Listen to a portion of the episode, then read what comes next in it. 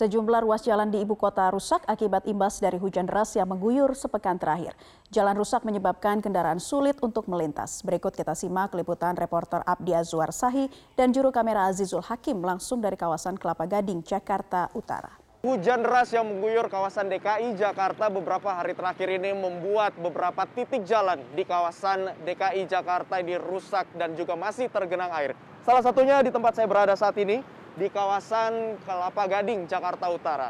Dapat Anda saksikan di sekitar saya, ini jalan yang rusak dan masih digenangi air, sulit untuk dilewati oleh para pengendara. Dan uh, jalan yang rusak ini juga menyebabkan uh, kendaraan yang melintas di sini harus menurunkan laju kendaraannya agar dapat melintas dan berpotensi untuk menyebabkan macet. Dari data yang kami dapatkan bahwa jalan ataupun titik-titik jalan yang rusak di Jakarta ini sebanyak 4.072 titik jalan yang rusak pasca diterjang banjir di lima wilayah di Jakarta, di DKI Jakarta ini. Dan yang paling parah memang berada di kawasan Kelapa Gading ataupun di kawasan Jakarta Utara ini tempat saya berada saat ini karena memang jalan yang rusak ini disertai dengan adanya lubang-lubang yang cukup besar sehingga memang sulit untuk dilewati oleh para kendaraan dan juga para pengendara yang lain pada saat melintas di sini dan menyebabkan juga uh, jalur ini juga sulit untuk dilewati dan berpotensi untuk menyebabkan macet. Dan berdasarkan keterangan yang kami dapatkan juga dari Dinas Bina Marga DKI Jakarta bahwa pihaknya saat ini terus berupaya untuk memperbaiki jalan-jalan yang rusak di beberapa titik di Jakarta, termasuk salah satunya dengan melakukan uh, teknik pengaspalan cold mix dengan dan juga scrap untuk menutup sejumlah lubang dalam waktu yang cepat. Di mana teknik ini juga merupakan salah satu upaya untuk keselamatan para pengendara. Namun untuk saat ini juga di kawasan kami berada saat ini, upaya penyedotan air juga sudah dilakukan. Namun genangan air ini masih juga nampak di kawasan ini sehingga menyulitkan para pengendara saat melintas di sini. Dan memang di kawasan Jakarta Utara ini yang cukup parah karena tercatat ada sebanyak 1.153 titik lubang terbanyak yang terdapat di kawasan Jakarta Utara ini. Pemerintah Jawa Tengah akan segera mengirimkan perangkat tes Ginos yang sudah dipesan ke Kota Pekalongan. Pengiriman perangkat tersebut merupakan upaya Pemprov Jateng mengantisipasi adanya klaster baru di tempat pengungsian korban banjir. Pemerintah Jawa Tengah menyatakan pesanan perangkat tes Genos dari UGM paling cepat akhir pekan ini sudah bisa dikirim dan paling lambat pada pekan depan. Nantinya, setelah semua pengungsi sudah menjalani tes genos dan dinyatakan negatif, maka pemerintah kota Pengalongan berkewajiban melakukan sterilisasi tempat pengungsian dengan tidak mencampurkan pengungsi yang ada di dalam dengan orang luar. Hal tersebut dilakukan agar tidak terjadi kontak untuk sementara waktu. Data dari BPBD Kota Pekalongan, banjir masih merendam 12 kelurahan di tiga kecamatan di mana 1.600 korban terdampak banjir masih bertahan di 16 tempat pengungsian. Pemirsa vaksinasi di Pasar Tanah Abang hari ini hingga pukul 16 waktu Indonesia Barat. Pedagang yang bisa divaksin hanya yang telah terdaftar dan lolos screening kesehatan. Informasi selengkapnya akan disampaikan oleh rekan Valencia Melvinsi dari Pasar Tanah Abang, Jakarta. Valencia, bagaimana proses vaksinasi di Pasar Tanah Abang Blok A hingga siang hari ini? Ya Naila dan juga pemirsa, siang hari ini proses vaksinasi tahap kedua di Pasar Tanah Abang khususnya di Blok A masih terus berlangsung. Semua pedagang yang bisa divaksinasi hanya pedagang di Tanah Abang ini yang sudah melakukan pendaftaran dan juga sudah lolos screening kesehatan yang dilakukan oleh pihak penyelenggara vaksin. Di belakang saya ini merupakan bagian tempat para pedagang yang akan divaksin harus melakukan registrasi terlebih dahulu, kemudian melakukan screening kesehatan sekali lagi, diarahkan untuk menunggu di ruang tunggu menunggu, kemudian menerima vaksin, dan yang terakhir adalah menjalani proses observasi sekitar 30 menit untuk melihat seperti apa efek samping yang mungkin timbul pasca vaksinasi dilakukan pada para pedagang yang ada di sini. Dan untuk penerapan protokol kesehatan ini juga diterapkan secara disiplin dan juga ketat.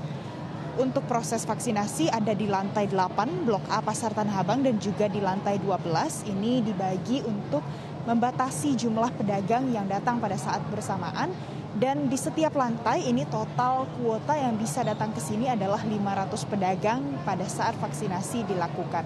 Dan selain itu sampai dengan saat ini semua petugas kesehatan, TNI, Polri, pihak keamanan semuanya berjaga di kawasan lantai 8 ini memastikan semua pedagang yang datang terlayani pada saat akan melakukan vaksinasi di Pasar Tanah Abang ini.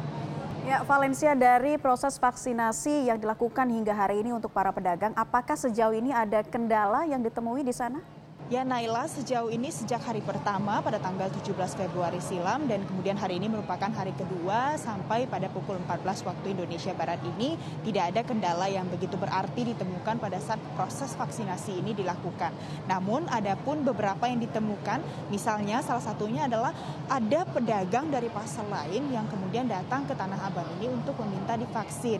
Namun dari pihak penyelenggara vaksinasi menyatakan tidak bisa divaksin pada saat hari ini karena yang divaksin adalah pedagang yang sudah terdaftar dan juga sudah lolos dari proses screening kesehatan. Dan selain itu kendala lain adalah pada saat pedagang yang kemudian datang ke kawasan lantai 8 ataupun lantai 12 ini datang tidak sesuai dengan jam yang sudah ditentukan oleh pihak penyelenggara vaksin. Untuk hari sebelumnya ada 1.406 pedagang yang berhasil divaksin dari target 1.500 orang pedagang yang divaksin pada hari pertama. Kemudian untuk hari ini ada total target 1.500 pedagang yang akan divaksin.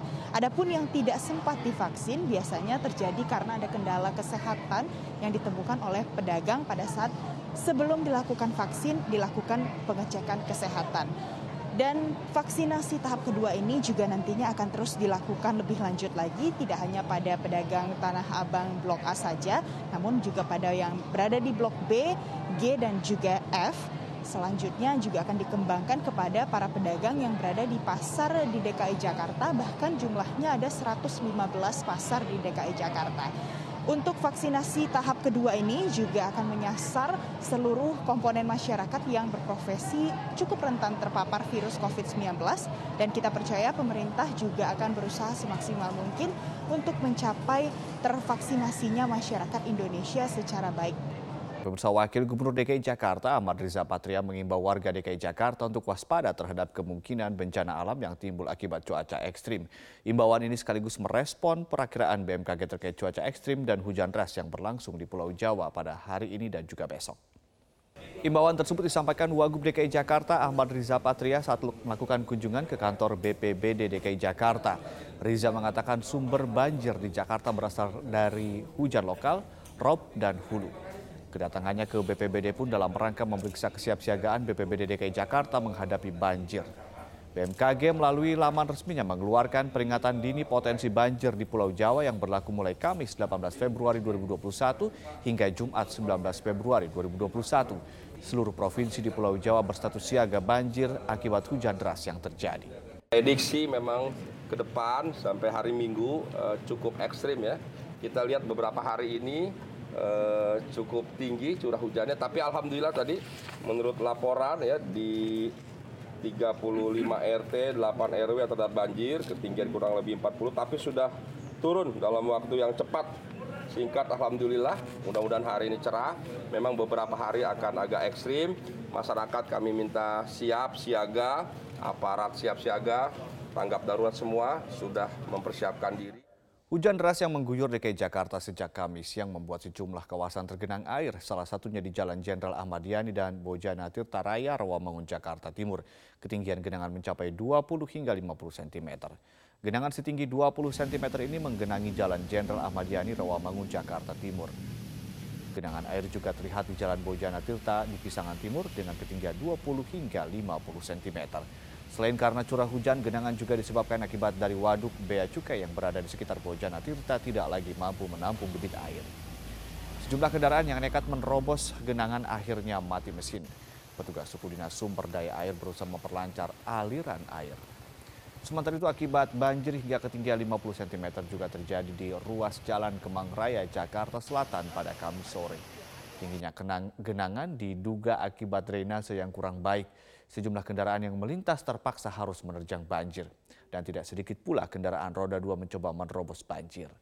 Hari keempat proses pencarian korban longsor di Kabupaten Nganjuk, Jawa Timur, tim SAR menemukan lima jenazah korban. Dengan tambahan temuan ini, saat ini tinggal satu korban yang masih dalam pencarian. Upaya pencarian korban longsor di Desa Ngetos, Kecamatan Ngetos, Kabupaten Nganjuk terus dilakukan. Pada hari keempat pencarian ini, tim SAR gabungan dan relawan menemukan lima jenazah korban. Empat jenazah ditemukan tim SAR di sektor A dan satu korban ditemukan di sektor B yang berada di bawah reruntuhan bangunan yang tertimbun material longsoran. Dari kelima jenazah tersebut, dua di antaranya berjenis kelamin laki-laki dewasa, dua jenis berjenis kelamin perempuan dewasa, serta satu anak-anak berjenis kelamin laki-laki. Kepala Basarnas Jawa Timur Hari Adi Purnomo menyatakan korban tertimbun sedalam 3 hingga 4 meter di bawah reruntuhan bangunan. Saat ini masih ada satu korban dalam proses pencarian. Hari ini total diketemukan ini tinggal satu yang dalam pencarian ya. Jadi dua dalam keadaan selamat, kemudian 18 dalam keadaan Mike Delta, satu dalam keadaan masih dalam pencarian, ya, totalnya 21.